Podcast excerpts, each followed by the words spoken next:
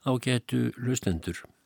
Ég hef öðru kóru síðustu misserinn verið að glukka í bók eftir ukrainskan rituvund Viktor Kravchenko og ætla að halda því áfram í þessum þætti.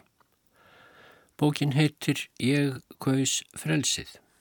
Þar segir Kravchenko frá tímum rúsnesku byltingarinnar og síðan borgarastriðsins þegar bolsjevíkar tóku völd í hinnu gamla rúsneska keisaradæmi og komu þar á endanum á fót ráðstjórnaríkjunum eða sovjetríkjunum.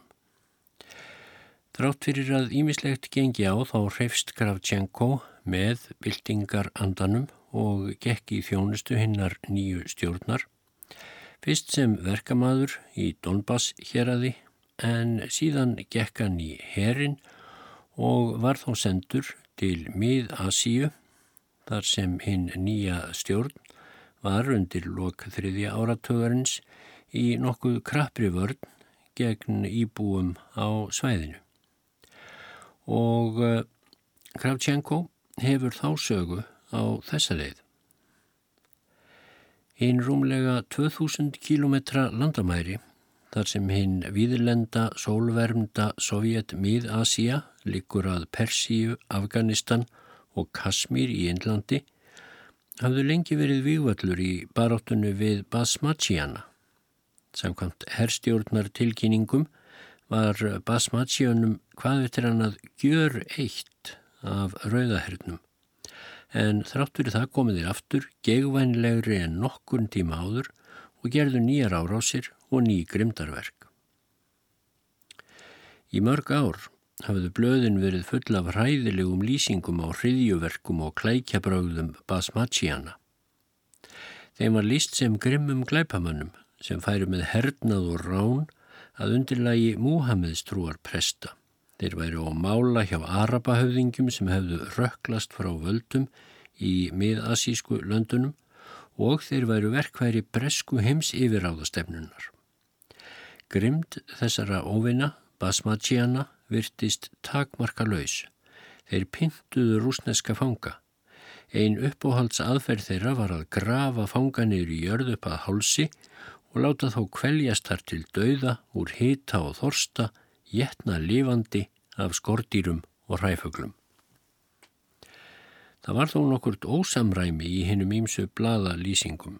Glæpamenska og ránfísn gati ekki skýrt til hlítar það þrek og hugrekki sem hinnir litlu hópar basmachiana síndu greinilega gegn hinnum vel skipulögðu og vel vopnuðu sveitum rauðahersins. Gripdildir kom ekki alveg heim og saman við trúmála ítök Múhameðstrúar presta og stjórnmála ítök Arabahöfðingja og bretta. Setna þegar ég leit með þroskaðri augum á þetta vandamál, þá varð mér það ljóst að skýringar ráðstjórnarinnar voruð miklu leiti uppspunni í áróðurskinni. Basmachiarnir voru í raun og veru flokkar þjóðhóllara skæruliða sem börðust gegn því sem þeir töldu vera skerðingu þjóðfrelsis af völdum Erlends innrásarliðs sem var rauðiherrin. Basmachiarnir lögðu lífið í hættu til þess að standa á móti því sem þeir álitu vera árás á trú sína og forna lifnaðarhætti. Í aðalatriðum, ef ekki nánast að öllu leiti, þá líktust þeir indversku föðurlandsvinunum sem börðust gegn brettum hinum einn landamærarna. Rúsnesku keisararnir hafðu á stjórnartímum sínum heimt inn skatt frá miðasíu en látið þjóðhöfðinginum þar og Múhameðstrúar prestunum eftir að stjórna þjóðflokkunum. Keisararnir réðust ekki á heið ríkjandi fyrirkomulag en hinnir nýju húsbændur, Sovjetríkjana, hafðu í nafni ókunnra guða sem þeir nefndu Lenin og Marx nú rekið Arabahöfðingjana frá völdum og haft Múhameðstrúna í flimtingum.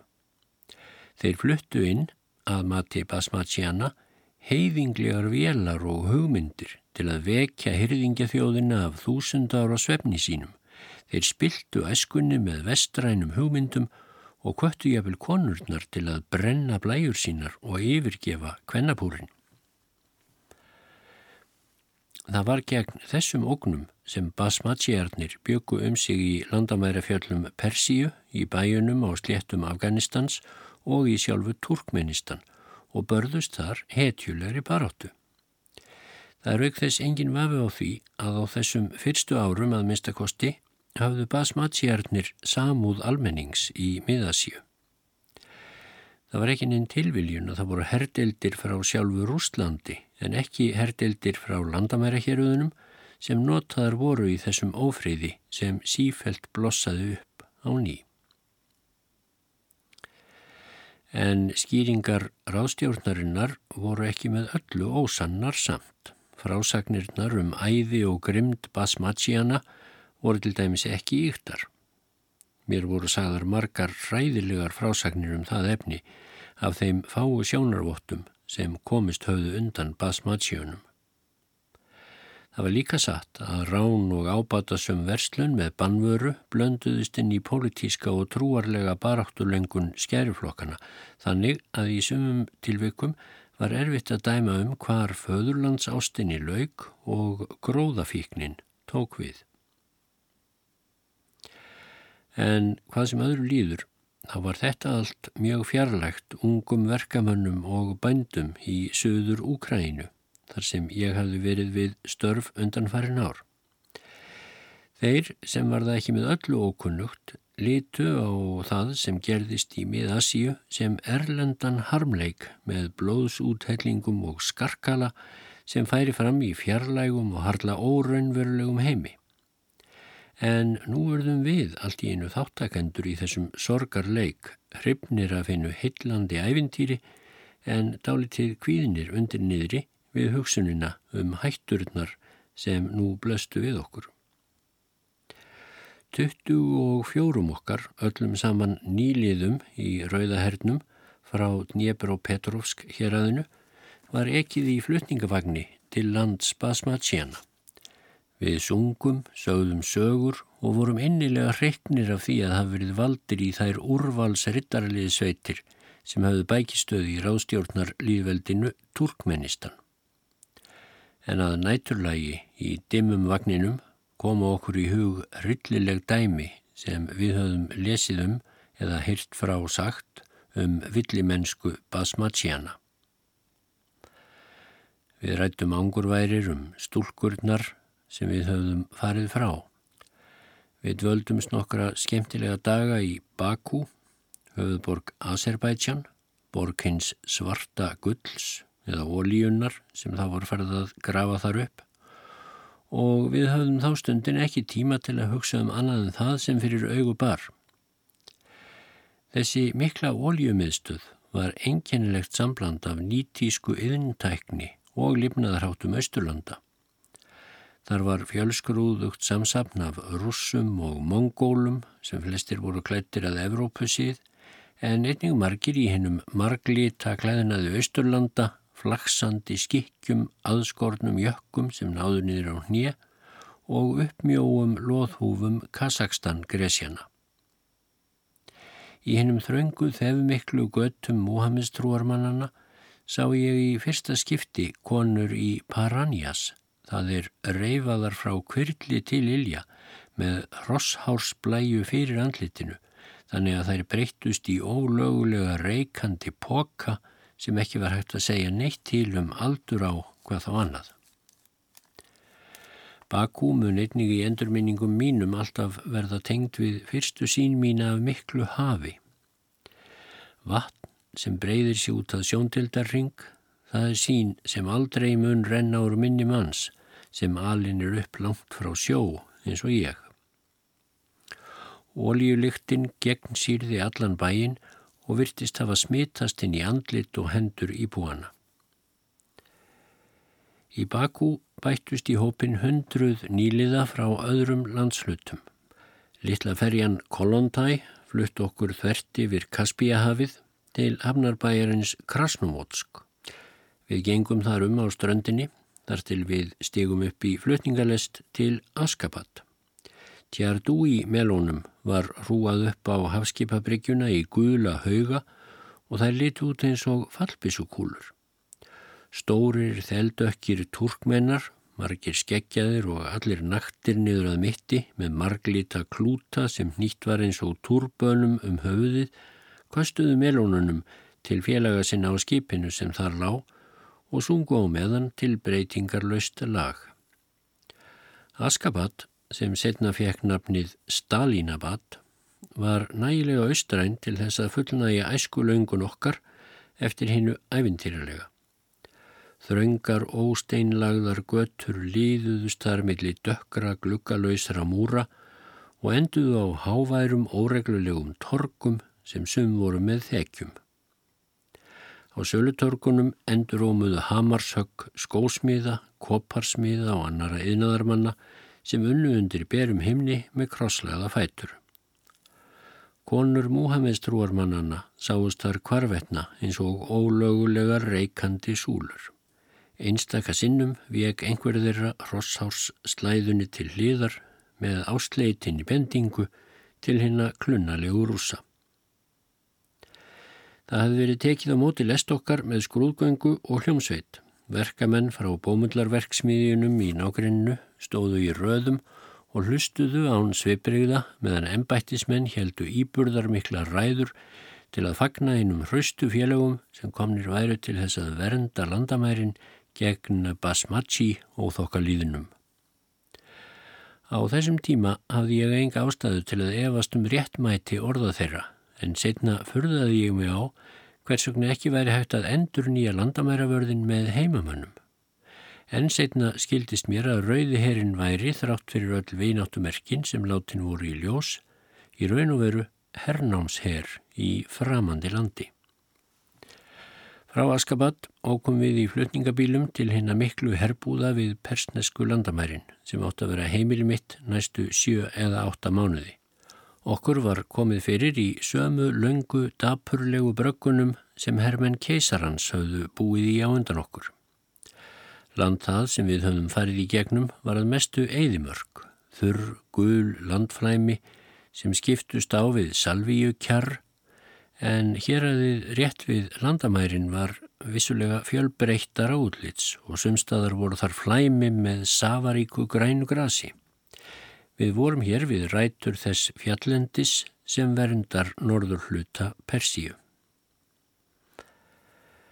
Nám okkar í hernaði byrjaði með gufubaði, sótt hreinsun á allum fötum okkar og klippingu sem gerði hársvörðin jafn snóðin og andlitin og fyrirlestri um stjórnmál. Það var þá skýrt út fyrir okkur að milli basmatsiana og rauðu hermannana væri ekki um annað að tala en drepa eða vera drepin.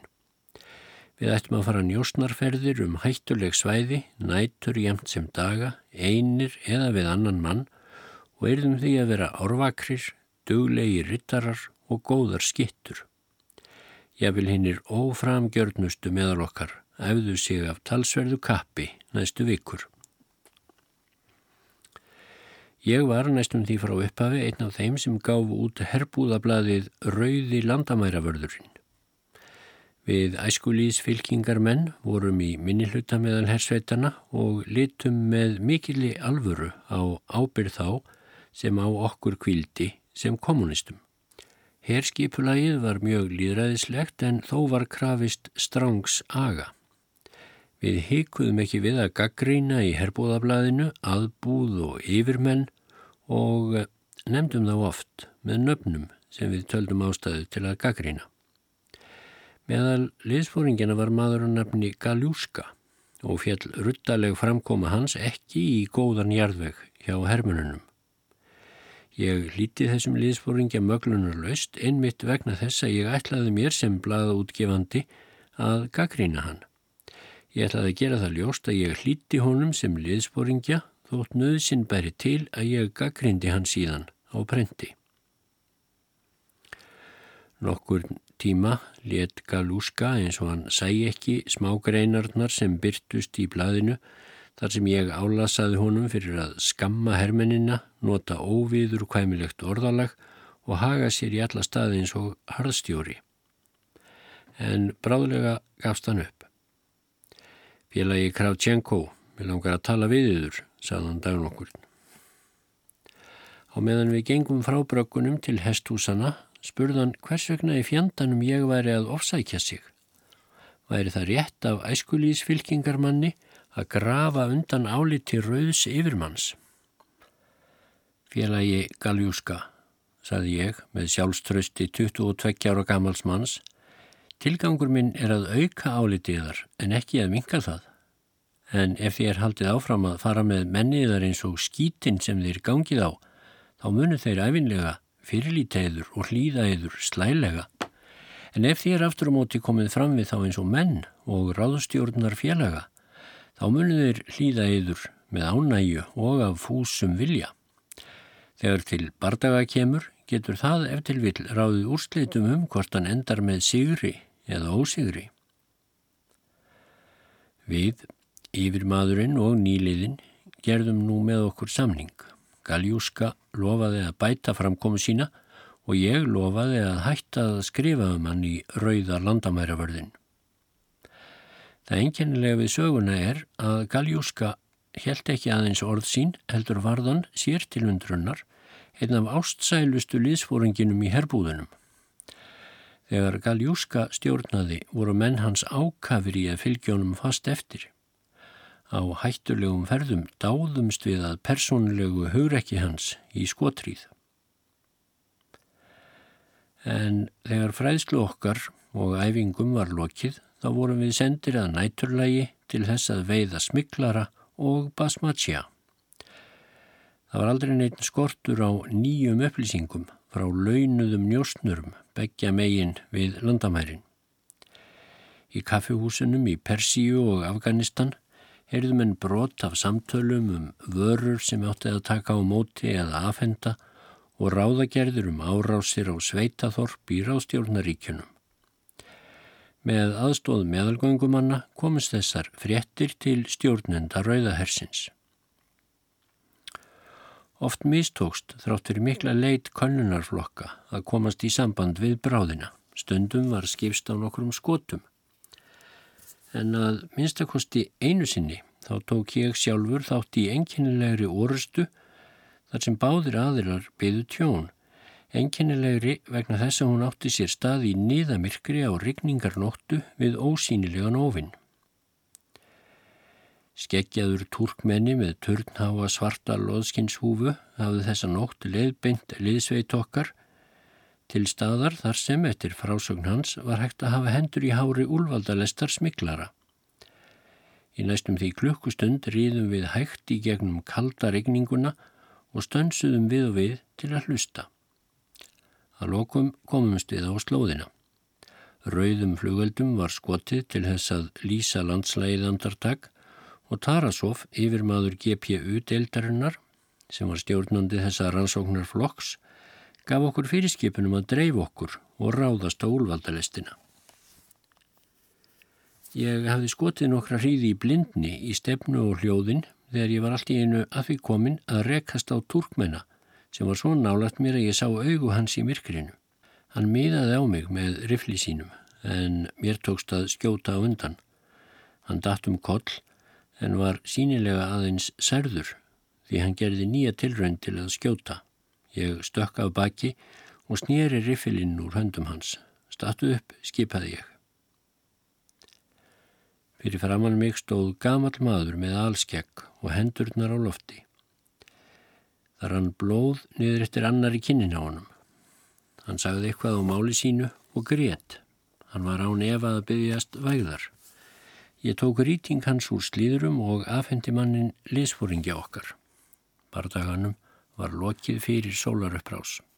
Áraðanlega hafa margir af smiklurunum sloppið, en margir þeirra á samt fjölda úlvalda með þungar klifjar voru fluttir heim í herbúðurinnar. Áður en sól gekk til viðar hafði hver einasti af hennum handteknu turkmennum verið skotinn af aftökudeild eftir fyrir skipun yfirfóringjana. Skömmin síðar var mér, kosti af vinni mínum og nokkrum öðrum skipaði í framvarðarsveit í nokkura kilometra fjarlægð. Mennirnir sem þar voru fyrir örðu heiminn lifandi við komu okkar því við áttum að leysa þá af verðinum.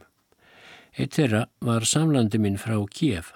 Þið eina sem skigði á gleði hans var að hann yrði að skilja eftir hest sinn, fallegan fjörugan gæðing sem hann af ástæðum sem ég hef aldrei getað skilið nefndi Lord Corson. Er hann hafi tekið af mér hátilegt lovorðum að fara vel með Lord Corson þá afhengt hann mér hestin.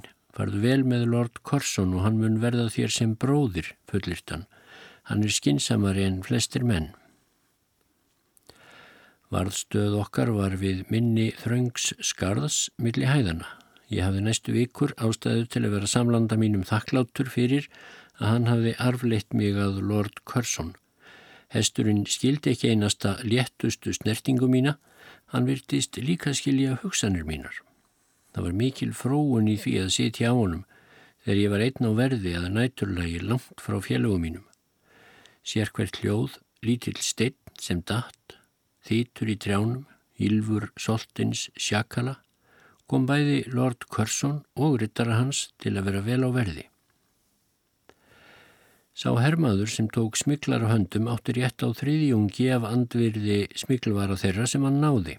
Ég var ekki heppin í þessum efnum, en margur landamæravörðurinn fór aftur heim til Sveitaþorp síns að loknum þjónustu tíma efnaður maður með að við aðstæðurnar í Sovjetríkunum þá. Ég mun aldrei gleima hóraða þeldökka gýðingadrengnum Sjama Hvaða tegund skriffinsku raukfræði hefur orðið þess valdandi að Sjama var settur í rittaraliðsveit og sendur til persnesku landamærarna, vissi hvorki hann nýja neitt annar. Hann byrjaði rittarferilsinn með aðeins einn ágalla. Hann var döðrættur við hesta. Sumir mannanna gerðu gís að veslingstrengnum en flestir okkar kendi í brjóstumann. Við reyndum að kenna honum hvernig menn stíga á bakhesti, hvernig haldið er í taumin og stundum heldum við að hann myndi falla í ómegin eða deyja af hræðslu. En það var alveg förðulegt að þegar Sjama hafði unnið buga á óttanum við hesta þá var þann eftir stuttan tíma ágætis rittari sem hafði indi af að ríða mjög glannalega og Sjama hafði sérstakt laga á að þefa upp í banvöru. Hann eldi smiglara nótt eftir nótt og einu sinni hefnaðist honum að taka smiklara sem hafði mikið af smiklvarningi meðferðis og Sjama fekk svo há verðlaun fyrir þetta að hann komst í sæmilega efni. Fótvissa Lord Curzons hafði bjargað mér frá slísum oft og mörgum sinnum en hann varði líka orsök þess að ég hætti hermensku. Ég var á verði síðla nætur með öðrum hermanni í skólendi langt var á varðstöðinni Við heyrðum háfaða í fjarlægð. Ég rópaði fyrir skipun til hins ósýnlega mann sem að nema staðar og við þeistum báðir í áttina til hans. Lord Curzon nöyt og ég stiftist fram á honum. Meira vissi ég ekki fyrir henn setna. Félagi minn sem hafði orðið viðskila við mig rópaði á mig en fekk ekkert svar. Hann fann hest minn en mig ekki. Hann leitaði mín svo árangurslaust og fór síðan aftur til herbúðana en nokkurum klukkustundum síðar fann leitarflokkur mig í Vaspolli, hræðilega slasaðan og meðvitundar lausan. Ég lág svo í margar vikur í Hermannaspítala í námunda við Askabat og leið miklar kvalir. Þó að mér finnist sem ekkert bein í líkama mínum væri óbrotið eða á réttum stað, þá kom það þó í ljós að ég hafði aðeins orði fyrir ytri áverkum en engin bein höfðu brotnað ummönnun og geska tvekja roskina hjúgrunarkvenna gerðu þær ástsælar hjá mér og öðrum sjúklingum. Það var ekki leindarmálað, þær voru höfðingjættar og höfðu verið reknar í útlegð frá Petrograd eða Pétursborg. Önnur þeirra, Lítiða Pavlovna, trúði mér fyrir því að fadur hennar hefði verið fyrsti. Þegar ég var orðin ferðafær var ég sendur til Kíef og láð þar í sjúkrahúsi í um það byrjum mánuð. Eftir ég hefði dvalist enn um tveggja mánuða skeið í resingarheimili í Kíef þá var ég leistur frá herþjónustu og fór aftur til fyrir starfa minna sem verkstjóri í Petrovski Lenin-verksmiðunni í Dnjepro-Petrovsk. Þetta var sumarið 1928 og ég var þá á 20. og 3. aldursárinu. Þeir sem leika smerri hlutverkin í mikilfenglegum sögulegum sjónleik vita sjálfnast um mikilleik hans. Þeir eru of önnum kapnir við atburðarásina til að sjá hinn mikla hildarsvip. Ég var einn af þessum leikurum í byrjun ársins 1929, einn af áhuga sömu ungu mannunum sem voru hillaðir af hinnum háflegu hugsunum og fyrirætlunum þessa tímabils. Þetta var tími þegar landmitt var að byrja að færast inn í nýja og að vissuleiti enþá ganggerðari byltingu. Tímabil þegar Stalin og nánustu samstarfsmenn hans áttu í hardri baráttu við mótstöðumenn sína í stjórnmálanemdini í Moskvu og að vissuleiti við allan flokkin. Stalin og menn hans voru fast ákveðinir í að útrýma síðustu leifunum að fjárhags fyrirkomulagi og hugsunarhætti auðvaldskipurlagsins til þess að geta leitt Rúslandin í yðinvæðingu og landbúnaðin inn á braut samirkjubúana. Þetta var þess vegna líka tímabil þegar allt sem enþá var eftir í byltingunni af óákveðni, hiki og ósamræmi í skoðunum fór að þurkast út. Flokks stefnan það er skildan við ákveðin og fyrirfram gefin takmörk, varðu nú þýðingar meiri en nokkrir persónleir hagsmunir. Nýtísku vélinn, kjarni og tákn yðinvæðingarinnar leik stort hlutverk í lífi okkar og gerði hver dag tilverunar þýðingar mikinn. Vélinn varðað vandlætingar sömum guði sem krafðist mikill að friðþægingar fórna. Hún fekk næstum því lendardómsfullt vald í hverstagslífi landsins. Mannúðulegar áhyggjur virtust okkur brátt aðeins leifar frá einkennilegri fortíð. Ströymur tímans tók með sér miljónir manna, suma af fúsum vilja, aðra nauðuga, slittna frá tilveru sinni sem þeir voru vanir við og reknaði ná nýjar leiðir. Flestir þeirra hafðu ekki nægilega næringu, ekki nægilegan fatnað og vantaði huggun til í vonana. Ég kynntist auðvitað hinnum einstöku atbörðum í þessari þróun, hinnum slæmu, jæmt sem hinnum góðu. En ég leita á þá sem ungur 23 ára maður sem hafi hlotið stjórnmálarekt uppeldi sitt hjá æskulís fylkingu kommunista og rauðahernum og trúði því, statt og stöðugt, að Rúsland ætti brátt betri framtíð í vendum. Ég var einn af þeim verkamannum í verksmiðju okkar sem hafðu árvakrasta þjóðfélagslega meðvitund og ég var hillaður af henni öru sköpun sem ég sá hvarvetna í daglegu starfi mínu. Það var skortur á mörgu og miklar þjáningar. En það var líka örfun í henni æðiskengnu eftirvæntingu og hennum brennandi vonum. Það voru hinnar djúbstæðu vonir um framtíð landsins og það var þess vegna ekki einn tilviljun að ég valdi einmitt þennan tíma til að gangað fullu í flokkin.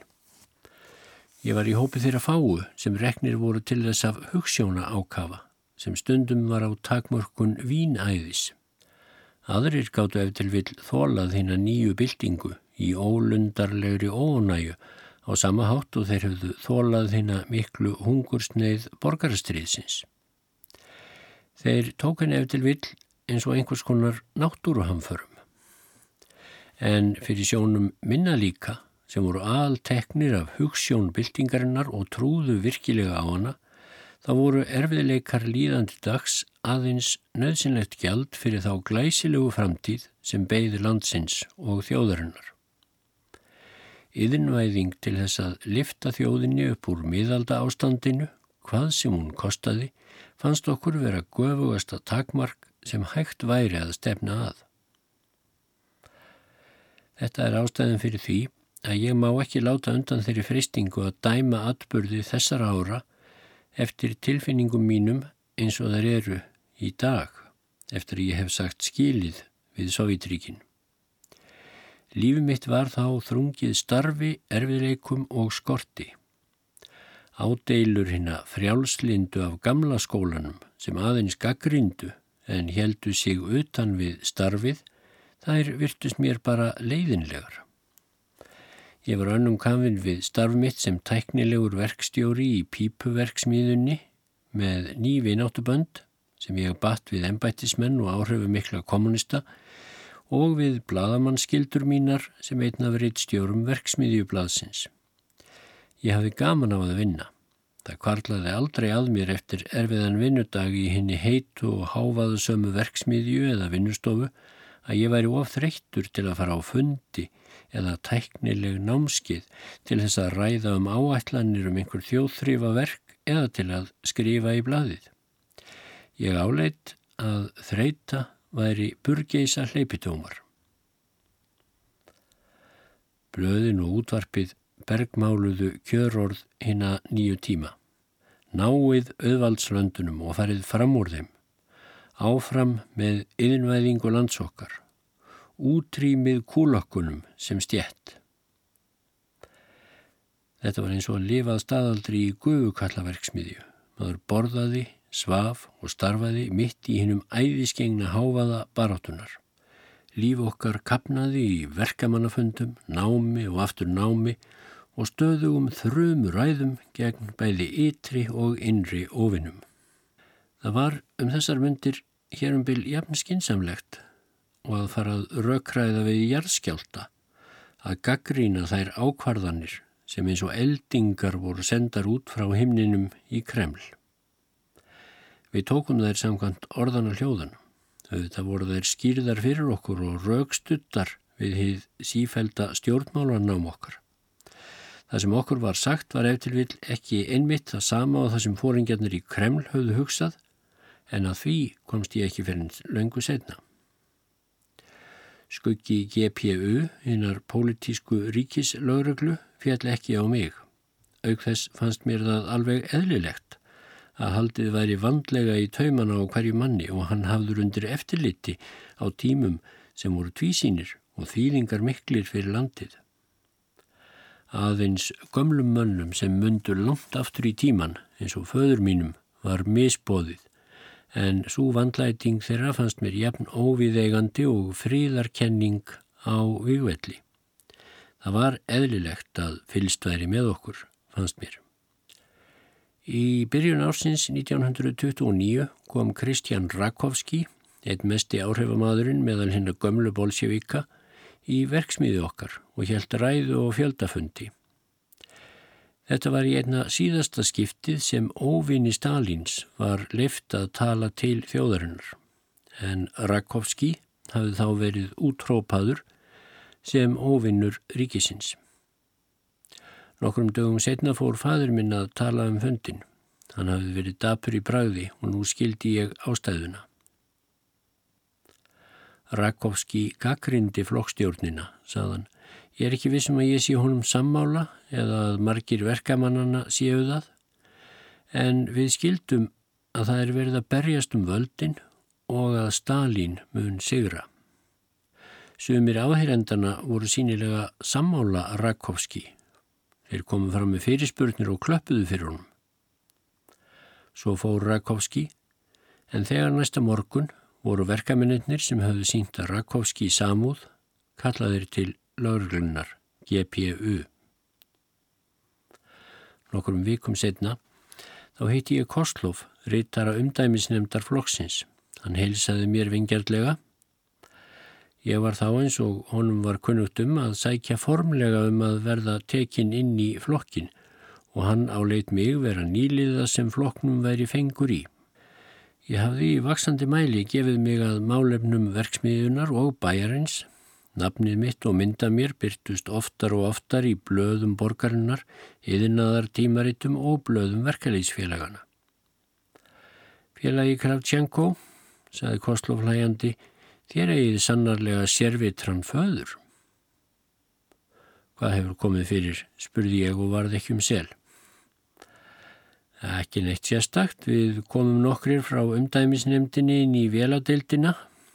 Það heyrðist enþá daldið óholt bergmál frá heimsókn Rakovskís hér á dögunum og við ætluðum að tala við nokkra verkamenn aðeins til þess að komast að raunum ástandið Jæja, við spurðum hinn á þessa og komum að lokum til föður yðar.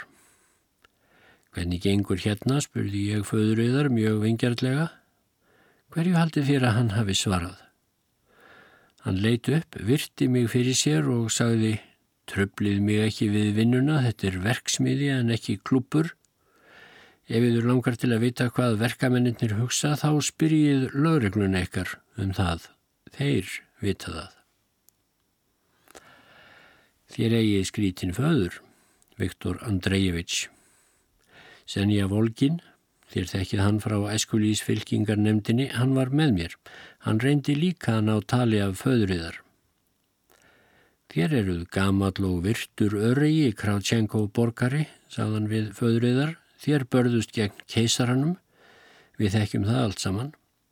Það er þess vegna sem okkur langar til að heyra skoðun ykkar. En þá hljóp gamli maðurinn upp á nefsir. Heyrið mig, ungi maður, sagðan.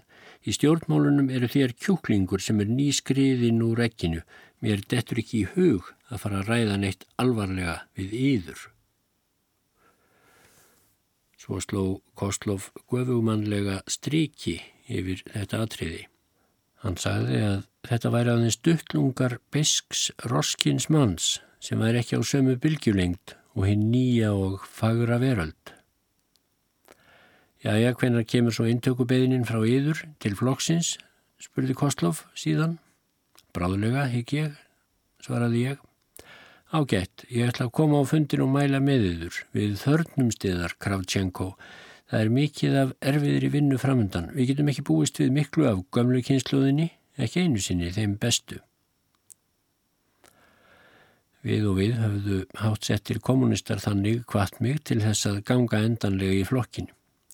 Þeir lögðu áherslu á að ég inni hvort sem er með þeim. Hvers vegna ætti ég þá ekki að verða að fullu flokksbundin þar sem ég stytti þá í henni miklu baráttu fyrir nýri veröld. Og ég var þeim samála. Í hjarta mínu og í vonum mínum var ég þegar orðin samferðamadur þeirra.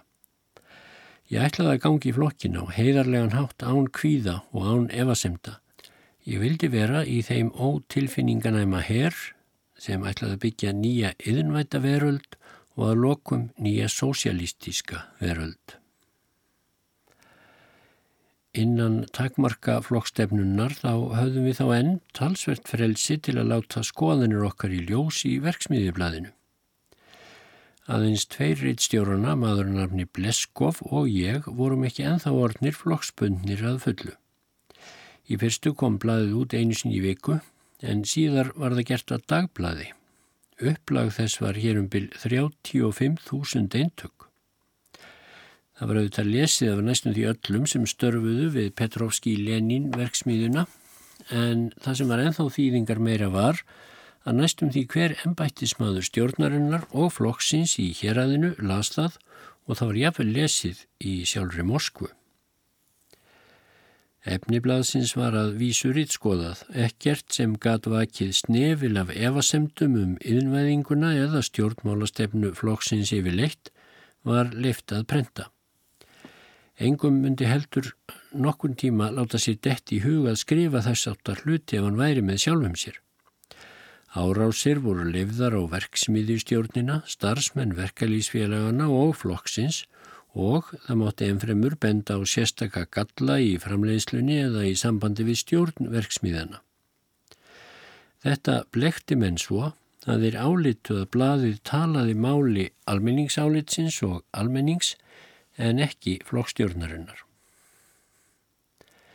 Samokritika, sjálfskakrini, var eitt mikilvægasta kjörorð þess tíma. Allir voru kvattir til að segja frá öllu um galla, skissur og aðferðir til að bæta úr því sem ábúta vant var, hvort heldur í dagblöðunum, í verksmiði og landbúnaðarblöðunum eða á töflunum á vinnustöðunum sem nefndar voru veggblöðin. Sjálfskakrinni var tæki til að auka gæði framleyslunar en stundum var hún líka svipa sem æðra settir ennbættismenn svipluðu yfir höfðum lægra settu ennbættismannana. Verksmiðjunum var á þessum tíma en þá stjórnað af þrenningu sem skipuð var fulltrúum frá verksmiðjustjórninni, verkalýsfélagunum og floknum. Meðal þessara mörgu ennbættismanna þar sem hver gætti starfsemi annara varð sjálfskakrinnin stundum að aðferð til þess að berjast svo lítið bæri á fyrir stöðum og valdi. Ég sökti mér niður í viðfangsefnið sjálfskagríni með ákafa krossfarans og vakti það óróa hjá sumum stjórnendum verksmiðunar. Ég benti heiðarlega og kapsamlega og gallana án tillits til þess á hverjum það bitnaði. Síðar fór mér að skiljast hvers vegna sumir valdamenn í verksmiðunni fóru skindilega að óska eftir vináttu við mig. Þeir hafa án Eva álítið það tryggilegast að komast í vináttu við ungan mann sem hafði beittan penna og stakk honum í þá sem dróðust aftur úr, en voru samt ánæðir með sjálfa sig. Greinar mínar kom ekki aðeins í verksmiðjublaðinu heldur líka í blöðunum í Kharkiv og Dnepropetrovsk, en fyrir þau vann ég sem fréttarittari í verksmiðjunni. Flokksblöðin í borginni töluðum um starfmitt og bentu á mig sem dæmi um virka æsku. Um hvað skrifaði ég? Ég skrifaði um óeðlilega eðslu og eðileggingu verðmæta, um eðnaðarmenn sem fór ekki sæmilega með verkfæri sín og vélar, um hinn mikla kostnað við framleiðslu verksmiði okkar í samanburði við svipaðar verksmiðjur í Svíþjóðu eða Ameríku, um ófyrirgemanlega framkomu þessa og hins félaga gagvart verkamannunum, um það að vörurnar sem við framleitum væri ekki nógu vandaðar, um það hvernig hægt væri að breyta einhverju starfs aðferð til þess að spara mörg þúsund vinnustundir. En árásir mínar á heið óþólandi húsnæðisfyrirkomulag hjá verkamannunum sem byggu í brökkunum trubluðu enn meira vanagang verksmiðjulífsins. Ég skrifaði að kaupið hefði í orði hverðinu hækkað en það heldist ekki í hendur við verðið í matsöluhúsum og útsölustöðum verksmiðinar og ég spurði hvenar hinnar nýju íbúðir sem svo mikið var rætt um erðu tilbúnar. Ég spurði hvers vegna sögumir yfirmannanna lifiðu við bílífi samtímis því sem vanrægt væri að sjá almennum verkamannum fyrir einföldum lífsnöðsinjum. Þessar bladagreinar mínar urðu til þess að ég egnaðist þó nokkra svarna óvinni meðal ráðamanna verksmiðunar, sumir þeirra hötuðust við mig svo árum skipti. En ég egnaðist líka nána vini. Engum nöyt ég sterks stöðnings við endurteknar kvartanir mínar um að það væri allt og margir yfirmenn við verksmiðuna með við afkvöst hennar. Ég hafði grafið upp í tæknilegum tímaritum skýrslur þess efnis að sænskar málmvöru verksmiðjur hefðu aðeins einn framkvæmdastjóra þar sem við höfðum tvo eða þrjá. Ég skrifaði að þeir flæktust hver fyrir öðrum, senkuðu fyrir vinnunni og ykju framleiðslukostnaðin. Þetta tímabil sjálfskakrinninnar var síðasti votturinn um vald lægri stjættana í Sovjetríkinum. Hún leti ljós skoðanir almennings og með þessari aðferð tókst að takmarka yfirmannafjöldan á vissum stöðum þótt hún hefði engin áhrif á heildarstefnuna eða ákvarðanir í valda miðstöðinni í Moskvu. Af ástæðum sem mér voru þá valla sjálfum ljósar, ástæðum sem áttu rætur í undir meðvitund minni, þar sem endurminningarnar um hugssjónir æskunnar lifiðu enn sínu lífi, þá fór ég hjá mér þegar ég tilkynnti föður mínum að ég hefði í higgju að ganga í flokkin. Höh, ég vissi að þú myndir fyrir að síðar ganga í flokkin, saðan. Ég hef tekið eftir því að þú tekur meiri og meiri þátt í pólitískri starfsemi, þú skrifar í blöðin, þú lest um stjórnmál. En ég get ekki haldið því fram, held hann áfram, að ég sé gladur yfir þessu. Þú veist sjálfur hversu mikið óréttlæti er í kringum okkur, hvernig fjarlæðin millir húsbændan og almennings ykst í sífellu en ekki mingar.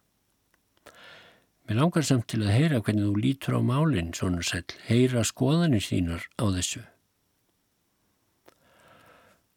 Mér þykir vendum að þú spyrði mig að þessu pappi, saði ég.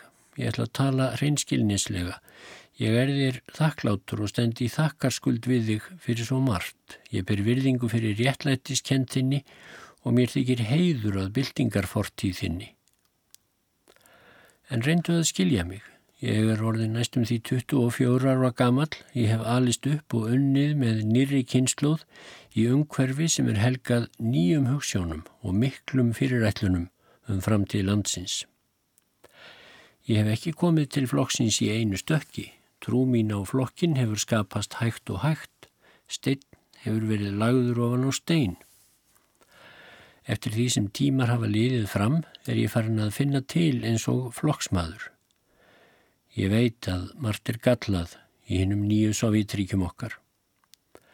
Ég þekki dæmi um að menn hafi tranað sér fram, gert sig sekan í óhæfu verkum og hörku í hinnu raunhæfa kvestaslífi. Mér fjallur það ekki betur í geð en þér. En ég líti á þetta sem fyrirbæri sem mun hverfa. Það verkefni að breyta frumstæðu landi í nýtísku yðnaðarland í sósialistist ríki, það eru tröllaukið. Það er ekki hægt að gera það án þess að gera sig sekanum yfir sjónir hjá jafnvelum óréttlæti. En ég vil ekki standa fyrir utan flokkin og gaggrína. Ég vil vinna erlega innan flokksins, berjast á móti því ílla og styðja það góða. Þannig mælti ég til föður míns. Og svo einhver tíman setna þá ætla ég að halda áfram að glukka í endurminningar Graf Tjenkós og þá heyrum við hvernig fór.